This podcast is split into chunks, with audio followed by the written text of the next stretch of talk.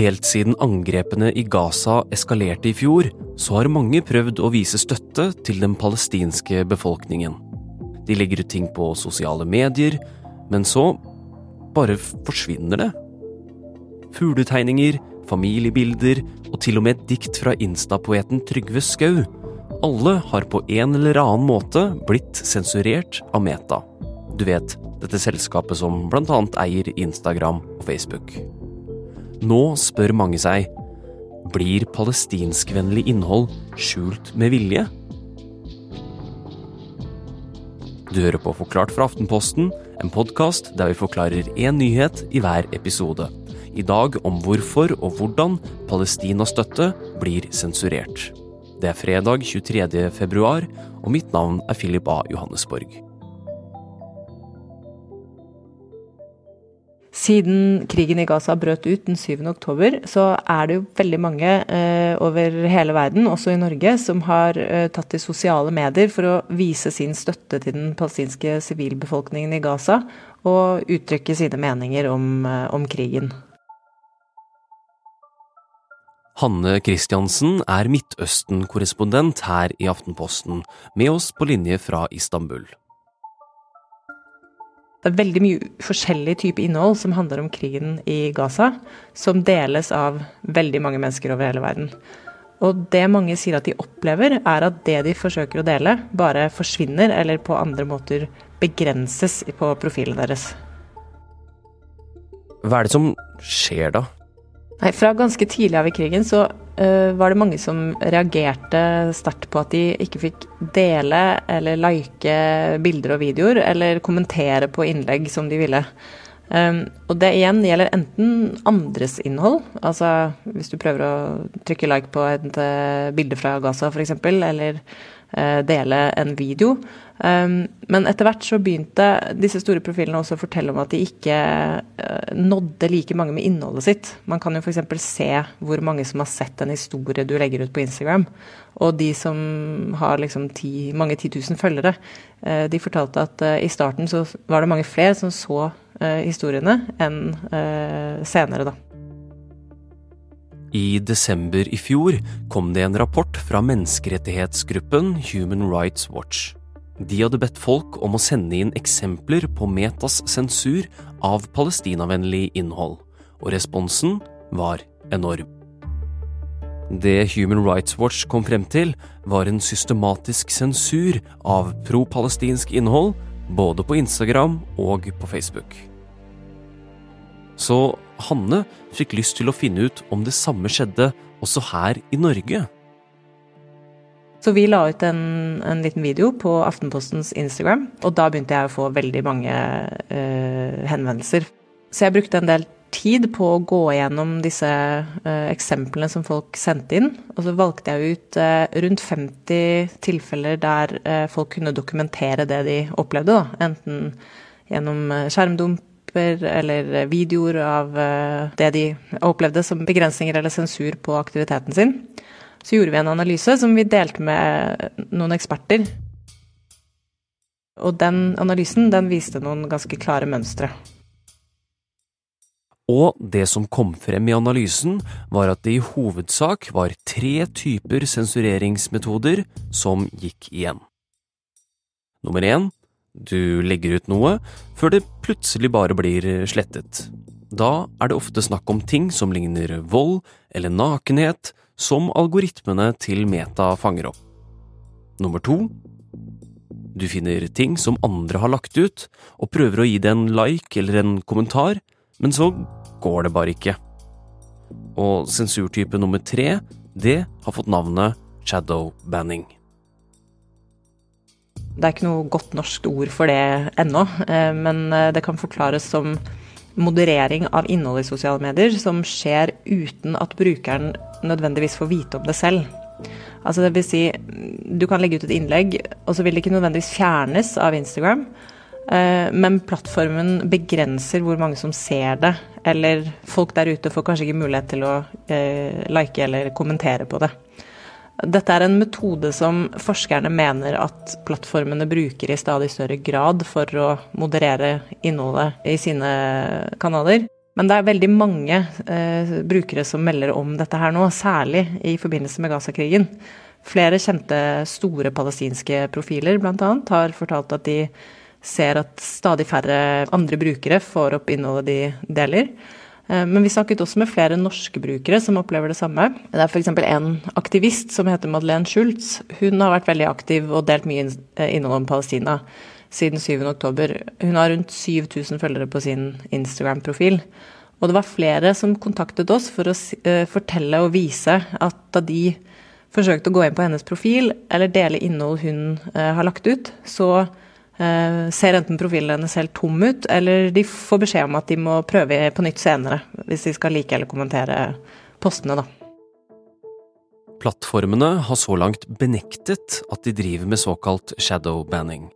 Men flere opplever at sensuren er reell. Og det finnes teorier om hvorfor det skjer.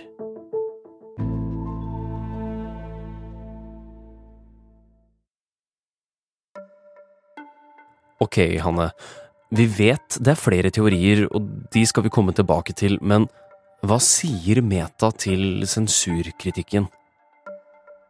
Nei, Det er jo litt av utfordringen her. Eh, for vi har spurt Meta flere ganger, men de sier ingenting. De svarer faktisk ikke på noen av våre henvendelser. Vi har forsøkt å nå Metas eh, presseteam på e-post i flere uker, eh, og også prøvd å nå norske ansatte, men vi hører altså ingenting tilbake.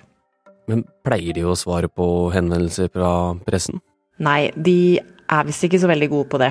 Uh, ifølge ekspertene vi har snakket med, så har Meta rett og slett en mediestrategi som går på at de ikke vil svare på kritiske spørsmål. De uh, velger seg heller andre fora, uh, kan du si, der de diskuterer med de de helst vil snakke med om f.eks. modereringen sin. Men selv om Meta ikke har så lyst til å snakke med oss, så finnes det sensureksempler fra tidligere som kanskje gjør oss litt klokere. Mye går nemlig på automatikk. Når noe fjernes av eh, Instagram eller Facebooks algoritmer, så skal egentlig brukere få opp en eh, begrunnelse for det, en forklaring. Og ofte da så viser Meta til sine retningslinjer og begrunner fjerningen med eh, at det bryter med deres retningslinjer om f.eks. oppfordring til vold, eh, støtte til en terrorgruppe eller eh, skildring av grafisk vold eller nakenhet. Litt av utfordringen er at disse algoritmene er ikke noe særlig gode på å fange opp og forstå kontekst. Så f.eks. var det flere som hadde prøvd å dele videoer av palestinske fanger som var eh, strippet ned til undertøyet og bakbundet, og som da blir holdt av israelske soldater i Gaza. Dette kan det se ut som om Instagrams algoritmer fanger opp som nakenhet. Eh, eller i tilfeller der man viser eh, skadede barn, så kan det tenkes at algoritmen tror at det egentlig er grafisk vold som skildres. Da skjer den flaggingen og den modereringen automatisk. Finnes det andre tematikker som får tilsvarende sensurbehandling? Dette med overmoderering har vært et tema i diskusjonene rundt sosiale medier eh, og ytringsfrihet eh, i mange år nå. Egentlig så har det hittil vært kanskje et større problem at, eh, at trøblete innhold har fått florere i sosiale medier. Så for så har Amnesty laget noen rapporter om hvordan Meta ikke har gjort nok for å forhindre spredningen av innhold som oppfordrer til vold mot forfulgte grupper, eh, bl.a. i Myanmar og i Tigray-regionen i Etiopia. Eh, og som svar på mye av den kritikken, så har Meta gjentatte ganger lovet å liksom skjerpe rutinene sine for moderering. Og det reiser jo da nye spørsmål om hvorvidt Meta kanskje kan ha dratt det for langt. Altså om de sikrer seg ved å overmoderere eh, istedenfor å undermoderere. Og dermed ender opp med å begrense ytringsfriheten eh, til brukerne. Men det vi ikke vet noe om her, er om det er algoritmene, eller om det er mennesker som står bak modereringen. Og hvis det i så fall er mennesker, hva er det da som er begrunnelsen for at noe innhold fjernes, mens andre ting får bli?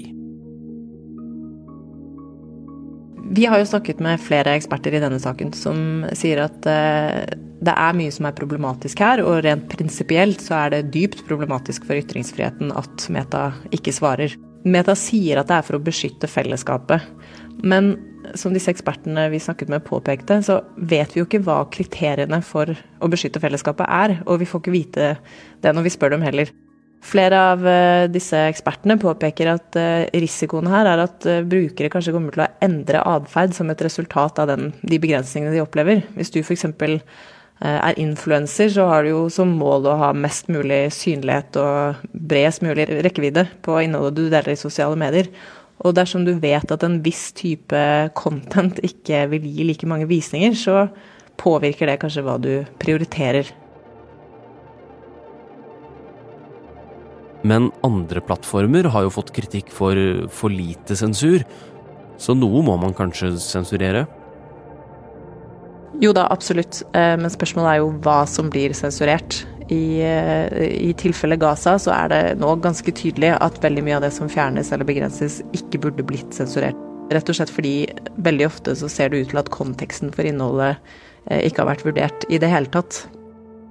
Så blant de jeg har snakket med i forbindelse med denne saken, bl.a. Eh, norske Datatilsynet, eh, så er det jo mange som mener at eh, i kombinasjon med hvor lite innsyn vi har i Metas rutiner, så begynner dette å ligne et eh, mye større demokratisk problem. På hvilken måte da, Hanne? Enormt mye av debatten og engasjementet rundt denne krigen foregår nå i sosiale medier. Og selskaper som Meta har jo da enorm makt til å forme den debatten.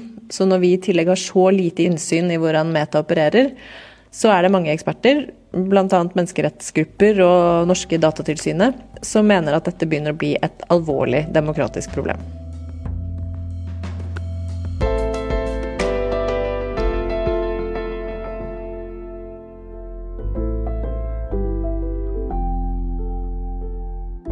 Du har hørt en podkast fra Aftenposten. Det var Midtøsten-korrespondent Hanne Christiansen som forklarte hvorfor innhold på Meta forsvinner. Denne episoden er laget av produsent Olav Eggesvik og meg, Philip A. Johannesborg. Resten av Forklart er Synne Søhol, Fride Nesten Onsdag, Heidi Akselsen, David Vekoni og Anders Weberg. Jo, og forresten, hvis du liker å høre på Forklart, så kan du også følge oss i Spotify. Her publiserer vi en ny episode hver ukedag, helt gratis. Hvem tjener på at maten vår blir dyrere? Er det du som sitter igjen med de ti prosentene? Eh, nei. Det er ikke noen store penger å hente for oss i dette greiene her. Det gjør man selvfølgelig for å tjene mer penger. Det er ikke sånn at det forsvinner noe penger noe sted. Hør sesongåpninga av Dypdykk hos Aftenposten eller Podmy.